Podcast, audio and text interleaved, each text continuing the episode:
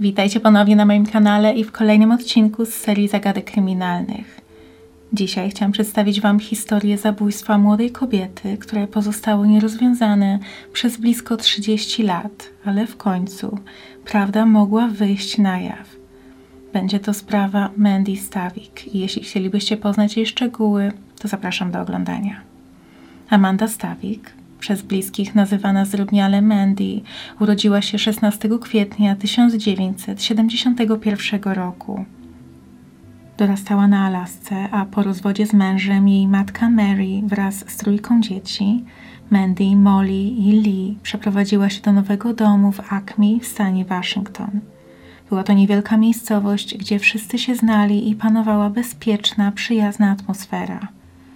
Znajduje się tam tylko sklep wielobranżowy, poczta, stacja benzynowa, stołówka, szkoła podstawowa i dwa kościoły. Okolica była wyjątkowo spokojna i mieszkańcy nie mieli w zwyczaju zamykać drzwi domów i pozostawiali kluczyki w stacyjkach swoich samochodów. W liceum Mandy była popularną i lubianą dziewczyną.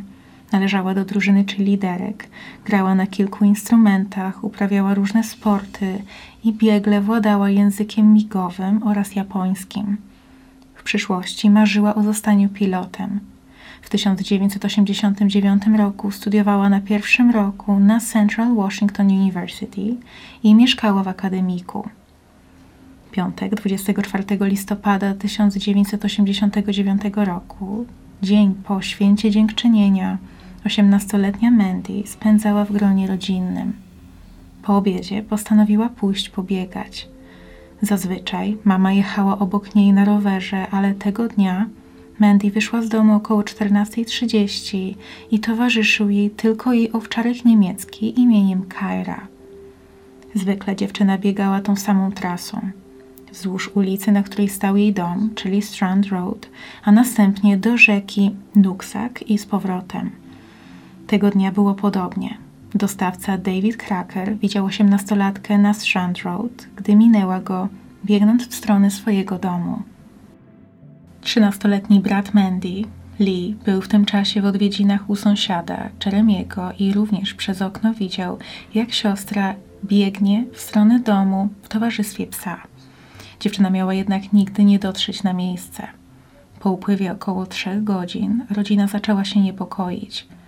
Obawiali się, że wydarzyło się coś bardzo złego i te obawy zdawały się potwierdzać, gdy około 17.30 na progu domu pojawił się sam pies, mokry i ubłocony. Mary zaczęła dzwonić do wszystkich znajomych córki i pytać, czy wiedzą coś na temat jej aktualnego miejsca pobytu, ale niestety nikt nie miał kontaktu z dziewczyną. Matka, nie chcąc dużo dłużej zwlekać, skontaktowała się z policją. Panikowała, ponieważ to absolutnie nie było w stylu jej córki, żeby znikać bez słowa. Mandy nigdy się nie spóźniała i tym razem nie było żadnego powodu, żeby tak długo nie wracała do domu, a tym bardziej, żeby porzucała swojego psa. Gdy ostatni raz była widziana, miała na sobie jasną bluzę, turkusowe dresowe spodnie, nowe niebieskie buty do biegania z fioletowym paskiem, złoty zegarek i srebrne kolczyki w kształcie kół. Miała także przy sobie Walkmana. Przez kolejne dwa dni dziesiątki ochotników przeszukiwały zalesiony teren. 26 listopada znaleziono w krzakach dresowe spodnie w zielonym kolorze, jednak matka Mandy była przekonana, że spodnie nie należały do jej córki, co potwierdziły późniejsze badania. Mieszkańcy donosili, że Jeep Cherokee lub inny podobny samochód w białym kolorze z czarnymi wykończeniami wokół okien był widziany w okolicy mniej więcej w czasie zaginięcia osiemnastolatki. Autem mieli jechać kobieta i dwoje nastolatków, a sąsiedzi nigdy wcześniej nie widzieli tego pojazdu w okolicy. Policja przeszukała teren z pomocą psów tropiących, a także z powietrza z wykorzystaniem helikoptera ale mimo to nie znaleźli żadnego śladu zaginionej nastolatki. Trzymano się nadziei, że dziewczynę uda się odnaleźć całą i zdrową, ale niestety te nadzieje legły w gruzach 27 listopada 1989 roku, trzy dni po zaginięciu. Ciało Mandy zostało wtedy odnalezione w rzece Nooksack. Dryfowała po powierzchni wody twarzą w dół. Była naga, miała na sobie jedynie buty i skarpetki. W miejscu, w którym ją odnaleziono, woda była płytka i sięgała zaledwie do kolan, a dziewczyna była dobrą pływaczką, dlatego założono, że musiała być nieprzytomna, gdy znalazła się w wodzie. Ron Peterson, były sierżant z biura szeryfa hrabstwa Łotkom, powiedział, że najprawdopodobniej Mandy została przez kogoś uprowadzona i wciągnięta do auta, ponieważ gdyby napastnik poruszał się pieszo, to dziewczynie z pewnością udałoby się uciec, ponieważ była świetną biegaczką. Zdaniem policji, pies musiał zostać odgoniony i porzucony przy ulicy i sam znalazł drogę powrotną do domu. Zadrapania na rękach i nogach dziewczyny wskazywały na to, że próbowała uciekać i pokaleczyła się o krzaki. Niestety została schwytana, wykorzystana seksualnie, następnie straciła przytomność w wyniku uderzenia w tył głowy, została wrzucona do rzeki i niestety utonęła. 1989 roku. Badania DNA były zaledwie w powijakach, ale i tak udało się pobrać obcy materiał genetyczny z ciała dziewczyny, który następnie wysłano do FBI. Nie udało się jednak znaleźć żadnych dopasowań w bazie. Pobrano również próbki śliny od 30 potencjalnych podejrzanych, ale żadnej z tych osób nie udało się powiązać z zabójstwem dziewczyny. Rick Zender, chłopak, z którym Mandy spotykała się w tamtym czasie, znalazł się w kręgu podejrzanych, jednak chętnie współpracował ze śledczymi i ustalono, że nie miał związku ze zniknięciem i śmiercią Mandy. David Cracker, kierowca dostawczego auta, który widział dziewczynę biegnącą w stronę domu, przypomniał sobie, że widział na ulicy ciężarówkę, której jechały dwie osoby w wieku około 30 lat. Widział też mężczyznę przechodzącego tamtędy mniej więcej w czasie, kiedy Mandy zniknęła i na podstawie tych zeznań udało się stworzyć nawet portret pamięciowy. Nie doprowadziło to jednak ostatecznie do przełomu w sprawie i na policję nie zgłosił się nikt, kto rozpoznałby mężczyznę lub widział pasujący do opisu samochód. Badano również możliwość powiązania ataku na Mandy z zabójstwami tzw. Tak mordercy z nad Green River – czyli Garego Ridgwaya. W czasie, gdy Mandy straciła życie, mężczyzna był odpowiedzialny za śmierć 49 kobiet i nie został jeszcze schwytany. Ostatecznie nastąpiło to w 2001 roku, ale i tak wcześniej ustalono, że Mandy nie była jedną z jego ofiar. Dziewczyna została pochowana na cmentarzu niedaleko swojego rodzinnego domu i w uroczystości wzięło udział tysiąc osób. Jim Freeman, trener koszykówki z liceum Mandy, przemawiał podczas pogrzebu. Po rozwodzie rodziców dziewczyna nie miała kontaktu z ojcem i traktowała Freemana jako wzorzec i nazywała go swoją jedyną inspiracją. Ta okrutna zbrodnia wstrząsnęła małym miasteczkiem. Był to pierwszy raz, kiedy w tej spokojnej okolicy doszło do czegoś tak przerażającego. Niestety, policja miała zbyt mało tropów, żeby móc ustalić, kto stoi za krzywdą niewinnej dziewczyny, przed którą świat stał otworem. Śledczy spędzili kolejne lata, badając tę sprawę i sprawdzając i przesłuchując dziesiątki różnych podejrzanych, ale ostatecznie nikogo nie aresztowano i nie postawiono żadnych zarzutów. W 2009 roku do sprawy przydzielony został kolejny, już trzeci detektyw, Kevin Bowie. Ponownie przeanalizował akta sprawy i wpadł na pomysł przeprowadzenia badań DNA tylu mężczyzn, ilu tylko się da, którzy mieszkali w Acme w 1989 roku. Proces polegał na ustaleniu, kto mieszkał w okolicy i w jakim był wówczas wieku, a następnie pobraniu materiału genetycznego. Cztery lata później, w 2013 roku, przeanalizowano wiele próbek, ale żadne nie wykazały zgodności. W czerwcu tego samego roku dwie matki, Heather Backstrom i Mary Lee Anderson, postanowiły zabrać swoje dzieci na zjeżdżalnię w parku wodnym Birch Bay Waterslides w pobliżu Bellingham w stanie Waszyngton. Gdy ich dzieci bawiły się w wodzie, one siedziały na trawie i rozmawiały o swoim rodzinnym mieście Acme. W pewnym momencie rozmowa zeszła na temat głośnej sprawy sprzed lat – zabójstwa Mandy Stavik. Heather i Mary podobnie jak Mandy, chodziły do liceum Mount Baker High School, ale w czasach szkolnych nie były ze sobą nigdy blisko. W pewnym momencie Heather niespodziewanie wyznała, że wie, kto odebrał życie Mandy, a Anderson odpowiedziała, że ona również wie. Wymieniły się wtedy swoimi doświadczeniami związanymi z miejscowym mężczyzną Timothy Bassem. Anderson powiedziała, że kilka lat po śmierci Mandy Timothy pojawił się w jej domu. Był znajomym jej męża, ale w tym czasie była ona sama w domu z synkiem. Tim powiedział, że właśnie wrócił z polowania i że musi skorzystać z telefonu. Anderson usłyszała jednak, że po drugiej stronie nikt się nie odezwał i że w słuchawce słychać wysoki dźwięk, więc podejrzewała, że Timothy nie wybrał żadnego numeru i tak naprawdę kłamał na temat tego, że musi zadzwonić. Chwilę później powiedział Merli, że zawsze mu się podobała i że chce się z nią kochać. Ona odmówiła, ale on stawał się coraz bardziej napastliwy. Ostatecznie kobieta zagroziła, że wezwie policję i wtedy cudem udało jej się wyrzucić Timothy'ego z domu.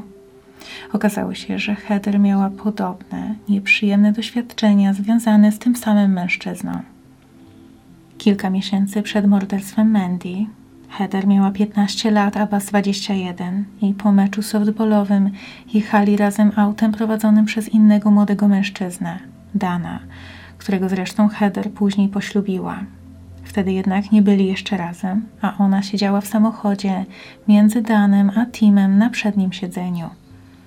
W pewnym momencie Bas zaczął z nią nachalnie flirtować. Komplementował ją i jednocześnie dotykał jej kolan długopisem. Dziewczyna udawała, że jest spokojna, jednak ten incydent na zawsze utkwił jej w pamięci i starała się unikać kontaktu z Timem. Zarówno Heather, jak i Mary przez lata podejrzewały, że Tim mógł podobnie postępować wobec innych kobiet, może także Mandy Stawik, jednak nie miały co do tego żadnych dowodów, jedynie domysły i żadna z nich nie zdecydowała się podzielić swoimi podejrzeniami, ponieważ obawiały się oskarżenia potencjalnie niewinnego człowieka. Jednak w czerwcu 2013 roku, po wysłuchaniu relacji drugiej kobiety, Heather postanowiła w końcu wyjawić to, co wiedziała – Skontaktowała się więc ze swoim kolegą z liceum, który pracował jako detektyw w biurze szeryfa. Dave McEachran, były prokurator okręgowy hrabstwa Łotką, powiedział, że pod koniec lat 80. Timothy mieszkał na tej samej ulicy co Stawikowie, ale śledczy nie rozmawiali z nim ani razu po śmierci Mandy, choć rodzina Tima znała rodzinę Mandy i chodzili do tej samej szkoły a młodszy brat podejrzanego, Tom, przyjaźnił się nawet z ofiarą. Timothy Bass wyprowadził się z okolicy wkrótce po morderstwie. W styczniu 1990 roku poślubił Jeanę Malone i przenieśli się do Everson na północ od Acme. Doczekali się ostatecznie trójki dzieci, a Tim pracował jako dostawca w lokalnej piekarni. Gina wspomniała, że jej mąż był bardzo kontrolujący, a do tego, gdy oglądali programy lub filmy o tematyce kryminalnej, zawsze komentował, że zabójca jest głupi, bo nie zacierał wystarczająco dobrze śladów i dał się złapać. Kiedy policja udała się do domu podejrzanego i zapytała o Mandy Stavik, wydawało się, że mężczyzna nie wie, o kogo chodzi. Wydało się to wyjątkowo podejrzane, nie tylko dlatego, że nie pamiętał tak głośnej sprawy sprzed lat, ale przede wszystkim wydawał się nie pamiętać samej Mandy, która była przecież dobrą koleżanką jego brata i jego sąsiadką przez wiele, wiele lat w dzieciństwie. Przechodził obok jej domu niemal codziennie. Śledczy poprosili Timothy'ego o próbkę DNA, ale on odmówił, twierdząc, że im nie ufa. Policjanci byli praktycznie przekonani o jego winie, jednak nie mieli żadnych mocnych dowodów. Postanowili więc udać się do jego miejsca pracy i porozmawiać z przełożoną, Kim Wagner. Poprosili o dostęp do jego służbowego samochodu, żeby tam poszukać materiału genetycznego albo chociaż o podanie trasy, którą pokonuje codziennie w pracy. Jednak kobieta skierowała ich do działu kadr tam śledczy usłyszeli, że żadne informacje nie zostaną wydane bez sądowego nakazu, którego w tym przypadku niestety nie udało się uzyskać. Żaden z pracowników piekarni nie został poinformowany, w związku z jaką sprawą prowadzone jest dochodzenie przeciwko Basowi. Dopiero kilka lat później, w 2017 roku, podczas rozmowy z przyjaciółmi, Kim Wagner przypadkiem dowiedziała się, że Tim mieszkał na tej samej ulicy co Mandy Stawik i zaczęła łączyć fakty. Tym razem postanowiła współpracować ze śledczymi. Policja nadal nie miała nakazu aresztowania ani nakazu przeszukania, jednak Kim zdecydowała się działać na własną rękę. Powiedziała śledczym, że Tim nosił rękawiczki podczas swoich zmian i co dziwne, zdawało się, że nie wyrzucał niczego do śmietnika w pracy, a wszystkie śmieci zabierał ze sobą do domu. Było to dość podejrzane, jakby był ostrożny, żeby nigdzie nie zostawić ani swoich odcisków, ani materiału genetycznego. Kobieta zaoferowała pomoc w zdobyciu próbki DNA, ale funkcjonariusze musieli odrzucić tę propozycję, ponieważ nie mogli oficjalnie angażować cywila w zebranie dowodów. Zasugerowali jednak, że mogą przyjąć od niej dowody, jeśli wejdzie w ich posiadanie. Wagner od tego czasu bardzo uważnie obserwowała Timothy'ego Bassa i pewnego dnia w końcu zobaczyła, jak pracownik pije wodę z plastikowego kubka, a następnie wyrzuca go do śmieci. Zabrała przedmiot i schowała do szuflady, a 10 sierpnia 2017 roku przekazała w ręce policji. Z niecierpliwością czekała na wyniki analizy DNA i nie okazały się one rozczarowujące. Badanie potwierdziło, że materiał genetyczny jest zgodny z próbką zabezpieczoną na ciele ofiary prawie 30 lat wcześniej. 12 grudnia 2017 roku Timothy Bass został aresztowany. Przewieziono go do biura szeryfa. Tam powiedział śledczym, że on i Mandy Stawik mieli potajemny związek i że utrzymywali ze sobą kontakty seksualne. Stwierdził, że nie ma na to żadnych dowodów, ponieważ nie prowadzili korespondencji ani do siebie nie dzwonili. Mieszkali jednak niedaleko, więc często się widywali i rozmawiali, i z czasem ich relacja przerodziła się w coś bardziej fizycznego. Dodał, że Mandy spotkała się z nim w jego domu w dniu, w którym zniknęła i że doszło wtedy między nimi do zbliżenia, i to w ten sposób na jej ciele znalazł się jego materiał genetyczny. Ani policja, ani rodzina Mandy Stawich nie uwierzyli w tę wersję wydarzeń. Siostra Mandy stwierdziła, że dziewczyna była poza jego ligą i nigdy nie zwróciłaby uwagi na kogoś takiego jak Baz. Timothy został oskarżony o morderstwo pierwszego stopnia. Mary Stavik, matka ofiary, dowiedziała się o tym aresztowaniu w dniu swoich 81 urodzin. Timothy utrzymywał jednak, że jest niewinny i że nie miał absolutnie nic wspólnego z zabójstwem Mandy a Gina Malone, jego była żona, która znała już go w tym czasie, gdy doszło do ataku na Mandy, zapewniła mu alibi, twierdząc, że tamtego wieczora byli razem w jego domu. Podczas procesu w maju 2019 roku prokuratorzy pytali każdego świadka o to, czy kiedykolwiek widział Timothy'ego i Mandy razem. Szukali jakiegokolwiek dowodu, który mógłby wskazywać na to, że faktycznie byli w takiej mniej formalnej, nawet tajemniczej relacji. Jednak absolutnie nikt nigdy nie widział ich razem. Dodatkowo młodszy brat oskarżonego, Tom, powiedział, że po tym jak policja poprosiła Timothy'ego o oddanie materiału genetycznego, on był wyjątkowo zdenerwowany. Zwierzył się wtedy, że on i Mandy spotykali się czasem i ze sobą sypiali, i że tak było również zaraz po święcie dziękczynienia, przed jej zaginięciem. Poprosił młodszego brata o to, żeby on zeznał, że również sypiał z Mandy, ale brat odmówił. Gina w końcu przyznała, że alibi, które wcześniej zapewniła byłemu mężowi, nie było prawdziwe. Powiedziała, że nie pamięta, żeby była w domu Basów dzień po święcie dziękczynienia, a Timothy kazał jej skłamać. 24 maja 2019 roku Tim został skazany za morderstwo pierwszego stopnia, choć sam, mimo dowodów, obstawał przy swojej niewinności. Ostatecznie usłyszał maksymalny wyrok 26,5 roku więzienia. Jego matka, Sandra powiedziała, że syn miał dobre stopnie w szkole średniej, nigdy nie sprawiał kłopotów i ciężko pracował na studiach, a później zawodowo. Dodała, że jej zdaniem został uznany za winnego na długo przed rozpoczęciem procesu i wysłano go do więzienia nie na podstawie prawdziwych dowodów, a emocji i chęci znalezienia kozła ofiarnego i dla samego faktu rozwiązania tak głośnej sprawy sprzed lat. Mary Stawik powiedziała, że choć nic nie zwróci jej córki, to świadomość tego, że mężczyzna odpowiedzialny za jej krzywdę wreszcie zostanie pociągnięty do odpowiedzialności, jest pewnym pocieszeniem. I to jest już koniec tej sprawy.